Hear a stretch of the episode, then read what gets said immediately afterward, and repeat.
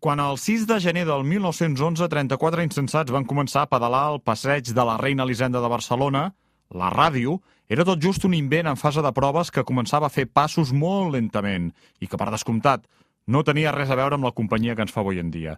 Tampoc llavors ningú es podia imaginar que ara mateix estaríem a poques hores de començar l'edició número 100 de la Volta Ciclista a Catalunya. Benvinguts a Ràdio Volta. Aquesta és l'etapa pròleg.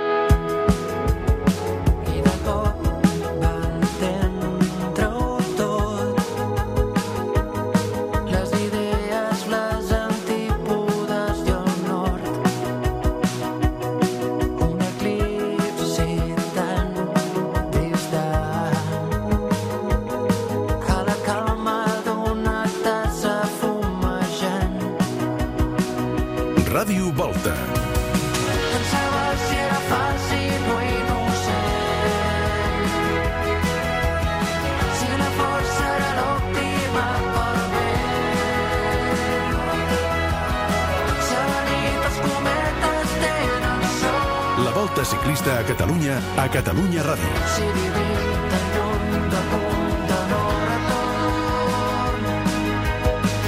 Cada dia compartirem tot el que passa dins i fora de la volta a Catalunya amb un equip de luxe que res de gregaris són els líders del podcast de la volta aquí, a Catalunya Ràdio. De seguida els anem coneixent, però arrencarem aquest capítol 0, aquesta etapa pròleg, amb música. Escolteu això que sona.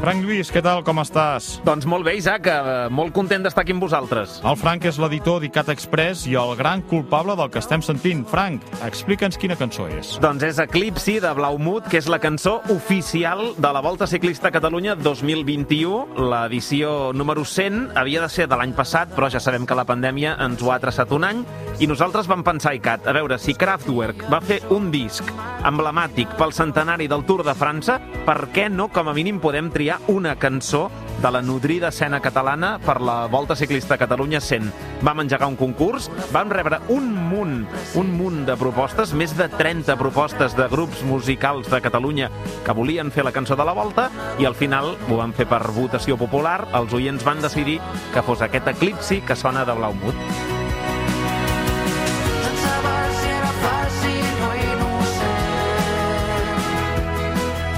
Ja que et tinc aquí no marxis, que ets un expert en ciclisme, sé que ets un malalt de ciclisme, no et demanaré qui guanyarà, perquè encara t'hauria de pagar la porra, però digue'm, qui t'agradaria que guanyés aquesta volta? Doncs mira, per una vegada el cor i el cap s'han posat d'acord. Aposto per Marc Hirschi perquè l'any passat, almenys jo, el vaig descobrir a grans voltes fent un paperàs. És boníssim, un, eh, uns pernils d'aquells que tiren i tiren i tiren quilòmetres, i com que canvia d'equip, tinc la sensació que es voldrà guanyar també a la gent de l'UAE i tinc la sensació que farà una gran volta i m'encantaria que la guanyés.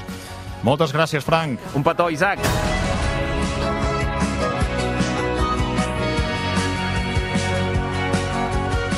Ràdio Volta, amb Isaac Vilalta. I ara sí que saludo els dos homes Volta, el Xevi Soler Xavi, què tal? Com què estàs? Tal, com esteu? I el nostre convidat, el nostre analista tècnic, l'exprofessional, Joan Antoni Fletxa, què tal? Com estàs? Què tal, Isaac?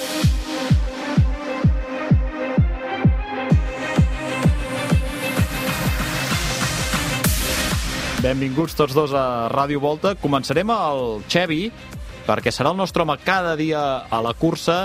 Xavi, ens has de fer el dibuix, el retrat d'aquestes set etapes, de com és aquesta volta i també parlar dels principals noms. Sí, d'entrada, eh, la volta et diria que és semblant a les últimes, excepte, i és molt important aquest excepte perquè té molt pes, el fet que hi haurà una contrarrellotge individual que pot marcar-ho absolutament tot. La, mm, el recorregut habitual de les últimes temporades de la Volta eren dues etapes d'alta muntanya, en finals en ports de muntanya, aquest any seran el dimecres a Vallter 2000 i el dijous a Port Ainé. La resta d'etapes etapes trencacames, amb aquest final una mica trencacames a Barcelona, que els últims anys ha promès molt, però ha eh, incidit poc en el resultat final. El que passa és que aquest any, amb aquesta segona etapa, aquests 18 quilòmetres de contrarrellotge individual entre Banyoles i Banyoles, pot afectar molt el que pugui arribar passant les dues successives etapes de muntanya. La primera, la de Vallter, uniport, aquestes etapes planes, mm -hmm. amb el final de Vallter, que és molt dur, però que no hi haurà hagut el desgast en els anteriors quilòmetres tan bèstia. La segona de la Porta Inés sí que una etapa més dura. Potser podria, l'etapa reina, eh? Podríem dir que és l'etapa reina, sí, aquesta sí. I pel que fa a la, a la participació, estem una mica amb el que passa tots els anys, també amb una salvetat, que les grans voltes per etapes aquests uh, últims temps estan dominades pels dos eslovens, que són Primoz Roglic i Tadej mm -hmm. Pogacar. No hi són cap dels dos a la volta, això fa potser que s'obri una mica el ventall dels favorits. Hi ha gent molt important pel que fa noms i pel que fa rendiment, com Richard Carapaz, com, vaja, és que l'Aineos porta gairebé un, una selecció mundial amb Carapaz, amb Porte, amb Adam Yates amb Geraint Thomas, amb Alejandro Valverde, Enric Mas i Marc Soler, el trio del Movistar, i amb altres eh, corredors com Hugh Carthy, com Simon Yates, com eh, Joao Almeida, el jove del De Koenig, o gent que no compta per la general però sí que són molt importants. Aquí destaco el nom de Peter Sagan, que ha escollit la volta quan normalment no ho fa. Com a favorits, diria que és un any potser una mica més obert que d'altres. Sé que mires especialment a Carapàs, després en parlarem mm. també. El Xevi serà el nostre home cursa cada dia. A l'inici de Ràdio Volta ens acostarà la pel·lícula de l'etapa, ens acostarà també dintre les mesures de sanitàries el principal protagonista de la jornada.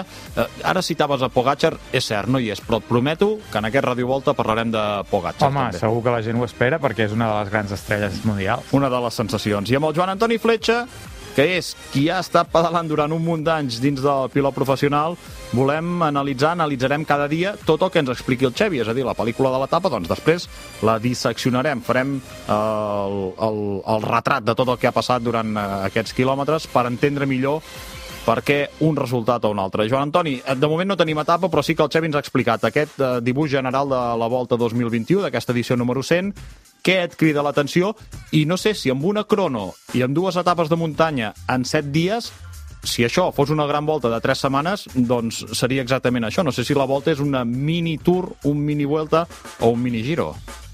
Mm, crec que sí, perquè sobretot eh, el format que està donant d'una setmana és una tercera part d'una gran volta, no? I al, al marge d'això també hem de tenir en compte el fet que la contrarrellotge ve seguida de... O sigui, a l'endemà de la contrarrellotge tens dues etapes de muntanya seguides. No? I això, clar, és el que normalment caracteritza una volta de tres setmanes. Tres dies per la general que has d'estar lluitant. No? Normalment el Tour de França o el Giro, la Vuelta, et trobes tres dies de muntanya seguit. I un, un hipotètic ganador, un aspirant, ha de ser capaç d'aquests tres dies de muntanya rendir un màxim nivell. Un tot terreny, més o menys, fa, et fa bé un dia o dos, no? però tres seguits, això és un altre nivell. Llavors, a la Volta a Catalunya estem tenint aquest factor, no? El fet que tenim la crono superexigent, clar, el que es vulgui anar a la general, aquell dia ha de rendir al màxim. No pot perdre temps. L'endemà Vallter també ha d'estar al davant. I l'altre dia, Porta Inés seguit, també, clar, amb més muntanya, en Port del Cantó i final a Porta Inés, serà el tercer dia exigent per als homes de la General. Per tant, han de ser capaços de rendir tres dies consecutius. Però no oblidem tampoc que no ha un metre pla aquesta volta a Catalunya. O sigui, l'endemà, he dit Portainer, però és que l'endemà al final de Manresa, amb Montserrat, amb, amb, amb diversos ports que tenen abans, eh, l'última etapa de Barcelona, en fi, que, que cada dia eh, hi haurà batalla, jo crec. I això és el que convida aquesta volta, no? A que mm, no només es tenqui a la contrarrellotge o, o, o a les dades de la muntanya, sinó que s'obri la porta també a segons quin grup que pugui marxar al davant i sorprendre altres corredors. Mm, clar, la presència d'una contrarrellotge sempre t'obre molt més, eh? Els dibuixos d'aquesta paleta de colors que, que tenim en una setmana. Mm, t'anava a preguntar per favorits. Aquesta és una pregunta trampa, perquè eh, estem mirant grans noms de grans voltes, però el punt d'exigència, el nivell d'exigència de, de la temporada no és el mateix. Per exemple, el Xevi sé que mira Richard Carapaz, però Carapaz no, no ha sortit pràcticament del seu país. Hi ha ciclistes amb més dies de competició que els altres. No sé si això afecta molt. I per tu, quins són els, els grans noms d'aquesta volta? Doncs jo sí que crec que afecta, sobretot aquesta volta a Catalunya, si tenim en compte que el segon dia ja és una crono. Vale? Aquell dia, qui no hagi competit, vindrà una miqueta curt de preparació. Després, clar, tercer dia i quart tenim finals de muntanya. Llavors, si ets dels que necessita uns dies de competició per estar bé, poder mm, arribes una miqueta tard, no? O sigui, poder altres corredors que han competit aquest any i que han rendit molt bé estiguin per damunt de, del que tu esperes, no? O sigui, del, del corredor com el Carapaz, que acaba d'arribar, que encara no ha competit gens, no? El Carapaz poder, si aquests tres dies fossin divendres, i o diumenge, doncs mira, poder no seria un hàndicap tan gran, no? Però tal com està configurada la volta, ell haurà de córrer en contra, o sigui, la volta anirà en contra seu, no anirà tan a favor seu. Llavors, bueno, jo mm, li tinc moltes ganes, sigui, jo espero que un dels meus favorits és el Michael Woods, mm -hmm. corredor de l'Israel, que és molt complet. A part, és capaç, sobretot, d'avançar-se una miqueta com el Carapaz, eh, que també pot fer un atac al final. Però el Michael Woods té aquesta punta una miqueta, punteta de velocitat, de, per anar agafant segons la bonificació, sobretot a les arribades, d'aquests recorreguts que són una miqueta exigents, no? Al final de Manresa pica una miqueta cap, a, cap amunt, no? O sigui, és un, no és un final senzill. Llavors, un corredor també a les, en els finals aquests de, de Vallter i Portainer pot agafar aquestes comunicacions, no? I recordem, ve de guanyar a Besseix, eh, d'estar de líder, que va perdre la general l'últim dia. Però van estar molt fort en ell com el Dan Martin, el seu company d'equip. Per mi, jo crec que l'Israel Startup Nation, amb Michael Wood, sobretot, té moltes opcions. Recordem que l'equip hi serà Daniel Martin, també hi serà Chris Froome i l'Israel, com diu el Joan Antoni, serà un dels equips potents o els menys de, de, dels que serà l'objectiu de més fotografies d'aquesta volta. Mira, jo pensava en el Joao Almeida, perquè té això d'impertinent, d'irreverent, que és jove, és cert, li falta experiència, però no sé, aquest puntet també em diu alguna cosa que, que ho pot fer bé. No marxeu tots dos, perquè amb el Joan Antoni cada dia repassarem aspectes de la cursa que aparentment no es veuen per televisió. La clau de volta amb Joan Antoni Fletxa.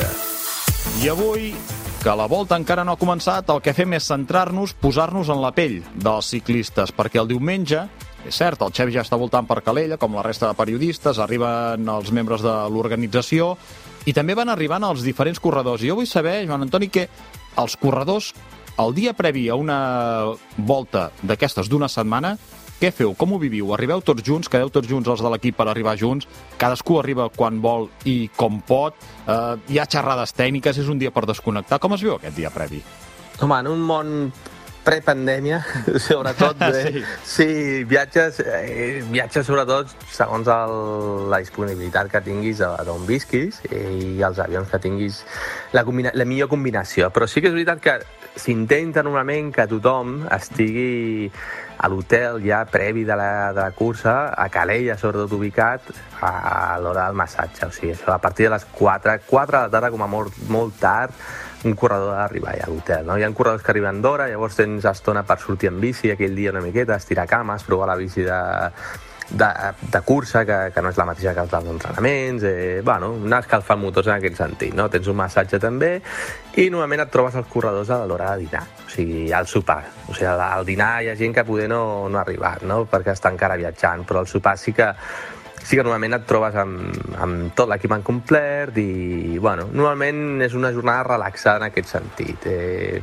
en una volta d'una setmana és difícil que el mateix diumenge ja tinguis una reunió. Normalment es fa l'endemà abans de la cursa, no? a no ser que sigui una contrarrellotge o, o un tipus de cursa que només la gent, o una, equips, no? que normalment la gent una crona per equips o individual és molt subjectiu el moment en com com pots preparar aquesta crona, no? Poder desescalfar abans, o necessites sortir d'hora al matí, i els corredors que no, que s'estimen fer un escalfament molt curt.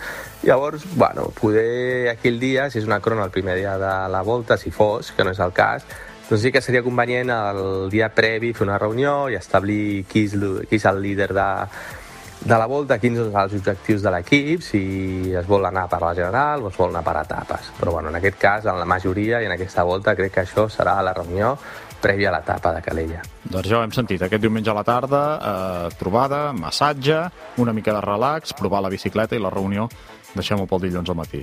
Joan Antoni, demà més Ràdio Volta. Molt bé, Isaac. I eh, ens veiem i ens escoltem. Fins demà. Fins demà.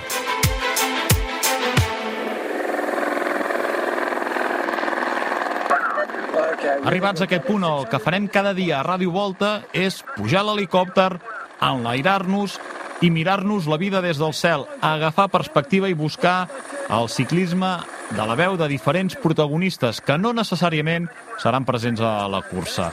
Avui, per estrenar-nos, toca qui mana, toca el director de la Volta, el Rubén Peris, en una entrevista que juntament amb el David Clopés hem sentit aquest diumenge al Tot Gira. Ràdio Volta. Rubén Peris, què tal? Com anem? Bona tarda. Molt bé, bona tarda. Uh, tot a punt, tot preparat, és la pregunta de rigor, però és la que s'ha de fer a 24 hores que comenci aquesta volta de Catalunya. Home, mm, mentiria si dies que tot, tot a punt, però el més important està tot a punt. Ara ens queda acabar la tasca de la tancar la preinscripció perquè sigui inscripció definitiva i ja poder treure la llista d'inscrits definitiva de la Volta Ciclista a Catalunya que començarà demà.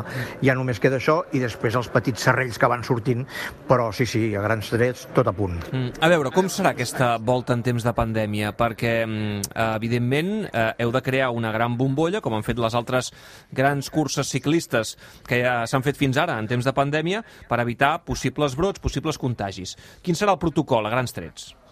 A grans trets hi ha tres bombolles, una bombolla, diguem-li, número 1, que és tot el que és la part d'equips.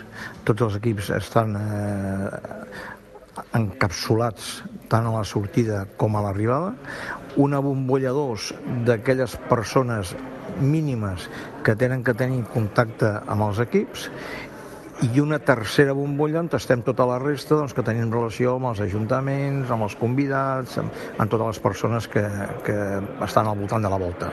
Però això no vol dir que aquesta bombolla 2, que he dit que tenen relació amb la bombolla 1, tinguin barra lliure, sinó que s'ha d'interactuar el mínim possible amb, amb els equips. I en general, tots els que som la bombolla volta hem d'interactuar el menys possible amb les persones alienes a nosaltres de, durant aquests dies que, que serà la volta. Jo, Rubén, et volia fer una pregunta una mica personal, perquè abans feies aquest retrat de, eh, general, eh, que el calendari com es van reubicar tot, de, tota la temporada passada, moltes curses, algunes no es van poder reubicar, com és el cas de la Volta. Tu això com ho vas veure? Eh, com ho vas viure personalment? Amb certa enveja perquè algunes poguessin disputar-se i la Volta no, o d'alguna manera lleugerit perquè així veies com es feien les coses, com s'establien els protocols, com s'havia de muntar tot i poder encarar l'edició 100 amb més tranquil·litat? Aviam, per part de la Unió Ciclista Internacional hi van haver totes les facilitats perquè féssim la volta de l'edició 100. O sigui, això també vull deixar-ho molt clar.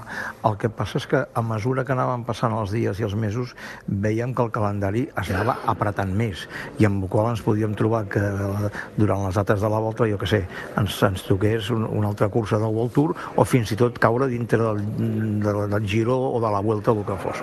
Aleshores hem estat analitzant i hem pensat que el millor i el més prudent, que el més conseqüent era ajornar definitivament l'edició 100 de la volta per aquest any i jo crec que la decisió que vam prendre va ser l'acertada. Que personalment com ho vaig passar? Home, el, quan una setmana abans de començar la volta vam tenir que prendre la decisió en aquell moment d'ajornar-la, però tal com es veien les coses, com he dit abans, la vam tenir que suspendre del tot, home, sí que ho vaig, sí que ho vaig passar malament personalment, com tots els companys de l'organització, però després quan veies com es anava eh, com anava evolucionant tot com he dit al principi no tenim dret a queixar-nos. O sigui que el nostre passa a un segon i a un tercer pla perquè hi ha hagut coses hi ha coses molt més importants que no el fet de fer o no fer una cursa ciclista. Estem comentant molt, Rubén, com és eh, fer una gran volta ciclista en època de pandèmia. Fa dos dies vam saber que un dels equips no podrà participar, que és l'Alpecin, perquè eh, es va donar algun positiu per Covid en l'estaf. Això també està previst? Hi ha algun positiu? L'equip ha de marxar de la carrera? Eh, pot eh, marxar només qui dona positiu? És que no sé exactament quins són els protocols en aquest cas. No, nosaltres amb el, amb el nostre protocol no hem posat que cap equip cap equip tingui que marxar si dona positiu algun corredor. Eh? O sigui, el que sí que, el que, sí que si un, un corredor o un membre de l'estaf dona, dona positiu o té símptomes, tot el seu cercle més pròxim, més proper, sí que en aquest cas tindria que, tindria que abandonar. No? però no, no, no hem marcat el fet de dir, com, com, alguna, com, a, com, com el Tour de França, per exemple, que a la segona vegada que un equip, que un corredor donés positiu, algú de l'estaf d'un equip donés positiu, tenien que abandonar tots, en el nostre cas no. Sí que vull explicar una cosa curiosa, i és que tots els equips que participen a la volta cada nit a l'hotel on dormen, que tots dormen en plantes diferents, o separats al màxim possible, és a dir, si un hotel té una planta que hi ha eh, 50, 70, 80 habitacions, no ho sé, partim la planta mitja planta un aquí, mitja planta un altre, o sigui que no es barregen mai, però tots, tots, tots, cada nit hi haurà una habitació per equip buida per si en un moment donat puguin ràpidament eh, incomunicar aquest positiu, no positiu, aquest possible positiu que pugui haver-hi, ràpidament eh, poder-lo eh, encapsular. Això què vol dir? Que cada nit hi haurà 24 habitacions buides per si passa alguna cosa. Jo ara t'estic escoltant, Rubén, i em puc imaginar que la feinada per pensar-ho eh, i després per dur-ho a terme eh, ha hagut de ser espectacular. Eh, per tant, mm, eh, esperem que, que realment tot vagi bé, que aquesta volta no tingui problemes, amb un cartell que mm, entenc que esteu satisfets, no? Perquè ara abans ho comentàvem amb l'Isaac i amb el Xevi, Valverde, Carapaz, Froome, Soler, Sagan, Simon, Adam Yates, Port... Eh, potser falta un favorit clar, no? Eh, us agrada aquest cartell final de la volta edició número 100? Molt, molt perquè a més a més eh, jo crec que estarà molt oberta amb aquest, tots aquests noms, a més a més tothom ve, ve a competir, tothom ve a guanyar. Està molt obert, no? I estarà molt oberta, molt, molt, molt. A més a més hi ha etapes eh, molt, molt, eh, molt dures, hi ha etapes que totes tenen alguna, alguna cosa especial, o sigui que jo crec que veurem una gran volta i el que, el que tot organitzador vol és que la cursa estigui oberta fins al final. Totes les, totes les mesures que hem pres quan demà baixi la bandera i donem la sortida, esportivament no es notarà això. I esportivament jo crec que serà una volta competitiva, oberta, i que, i que veurem un gran espectacle. Mm, I l'espectacle el viurem aquí, en directe, a Catalunya Ràdio i al Tot Gira, amb aquest podcast Ràdio Volta, que cada dia, a les 9 de la nit, eh, una entrega per eh, explicar tot el que passi en aquesta volta a Catalunya, edició número 100, i òbviament amb moltes sorpreses que, que anirem descobrint dia rere dia. Rubén, que vagi molt bé, molta sort en aquesta volta. Moltíssimes gràcies a tots vosaltres. Una abraçada. A Ràdio Volta, entrem a l'últim quilòmetre.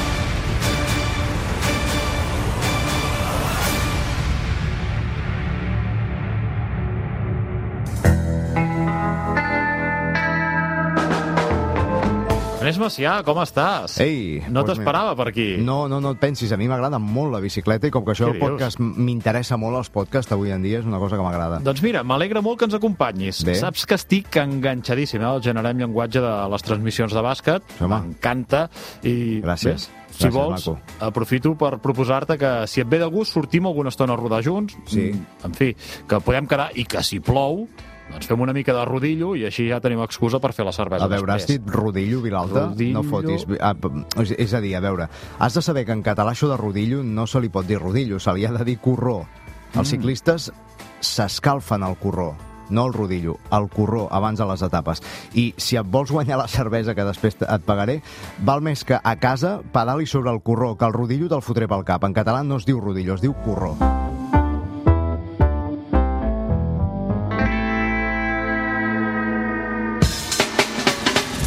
Xevi, encara tinc per aquí. Uh, M'agradaria que cada dia, ja que ets els nostres ulls a la volta, i més en aquest món que ens deia a l'inici del Ràdio Volta al Fletxa, en aquest món de pandèmia, que ens costa molt més arribar als llocs, uh, que faci una mica el xafarder. Hmm. Què veus per aquesta volta? Mira, Coses avui, que no... avui, com que encara no hi havia cursa, eh, hem xafardejat una miqueta per veure aquest inici, aquest preinici de cursa, amb les reunions a la tarda de la direcció, doncs, amb els equips, amb els Mossos d'Esquadra, amb la gent de seguretat, amb la mateixa gent de la volta, i el que sí que hem vist és que, evidentment, eh, ja ho sabíem, la pandèmia ha afectat moltíssim el que és la volta, el tancament de tots els estaments és molt més clar, L'arribada, de, per exemple, en el nostre cas, de molta premsa internacional és gairebé nula. Hi ha hagut més de la meitat d'acreditats que no pas l'any passat. Hi ha molt poca gent que segueixi durant tota la setmana la volta i eh, les condicions que s'han fet en els equips eh, per participar en aquesta volta són molt més dures.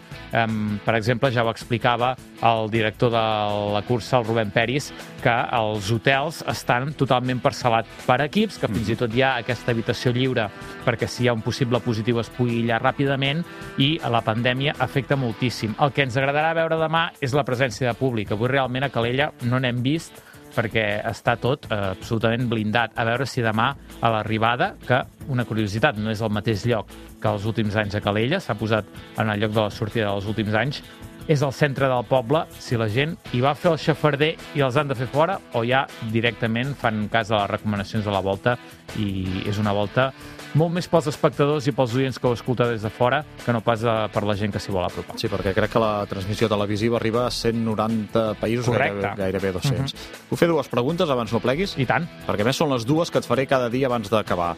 La primera, etapa de demà. Recorda'ns què ens trobarem. Sortida i arribada a Calella, 178 quilòmetres, amb, una, amb un recorregut trencacames, sobretot al mig, on s'haurà de pujar pràcticament consecutivament el port de les Guilleries de segona i el de Santa Fe del Montseny de primera. Hi ha un port de tercera, el de Collsacreu, a 18 quilòmetres del final. És veritat que potser no té l'entitat per trencar la cursa, però si hi ha una escapada, és propici per les escapades, allà podria ser on es decideixi. Els esprintadors intentaran arribar, els eh, que tenen poques opcions a la general, però que són escaladors decents, intentaran fer l'escapada. El NAS diu que els últims anys hi ha hagut un 50-50, anys que s'ha arribat a l'esprint, anys que ha arribat a l'escapada. I la segona, on dormiràs avui? Avui a Calella. Avui a Calella. Avui a Calella. Anem prenent nota. Saps què pots fer? Acompanyar-me a la biblioteca. Va, A la biblioteca del Jordi Home, Túrria, perquè saps que si parlem de ciclisme a Catalunya Ràdio hem de parlar primer de tot amb el Jordi Túrria. Ens acompanyarà també cada dia i ens farà un apunt d'aquests eh, 100 anys, no d'aquests 100 anys, no, d'aquestes 100 edicions de la Volta Ciclista a Catalunya. I és just, és de justícia, que el primer apunt històric, ara que arribem a les 100 edicions, sigui el del naixement de la cursa. Avui, el Jordi ens situa en l'any 1911 i en una volta, Jordi, molt diferent de les actuals. Per començar, hem de dir que es va disputar del 6 al 8 de gener, és a dir, unes dates en què ara mateix no es competeix. Però en aquella època els creadors de la Volta, el Club Deportivo Barcelona i el diari El Mundo Deportivo, van considerar que el fred i el mal temps donarien més espectacle. I no es van equivocar.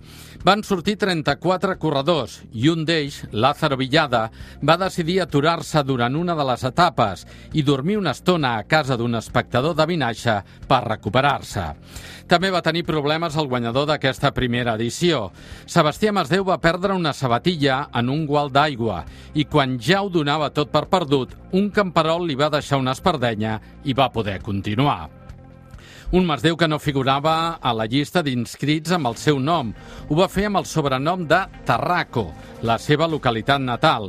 Una decisió motivada per evitar un disgust a la seva mare, que considerava que anar amb bicicleta provocava tuberculosi. Però Sebastià Masdeu va poder amb tots aquests entrebancs i es va adjudicar la cursa amb 2 minuts i 46 segons d'avantatge sobre Josep Magdalena, que va ser segon. El tercer va quedar a més d'un quart d'hora i el cinquè a més d'una hora. Masdeu es van dur com a premi 975 pessetes.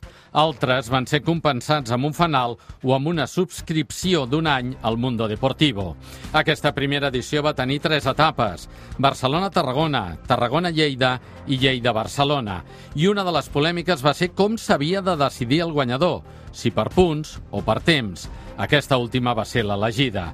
L'inici de la primera volta va ser el passeig de la Reina Elisenda de Barcelona, on avui, 110 anys després, podem veure una placa que ho recorda. Ràdio Volta, amb Isaac Vilalta. I fins aquí aquest primer capítol, aquesta etapa pròleg de Ràdio Volta. Demà arrenca l'hora de la veritat. Ens trobem aquí.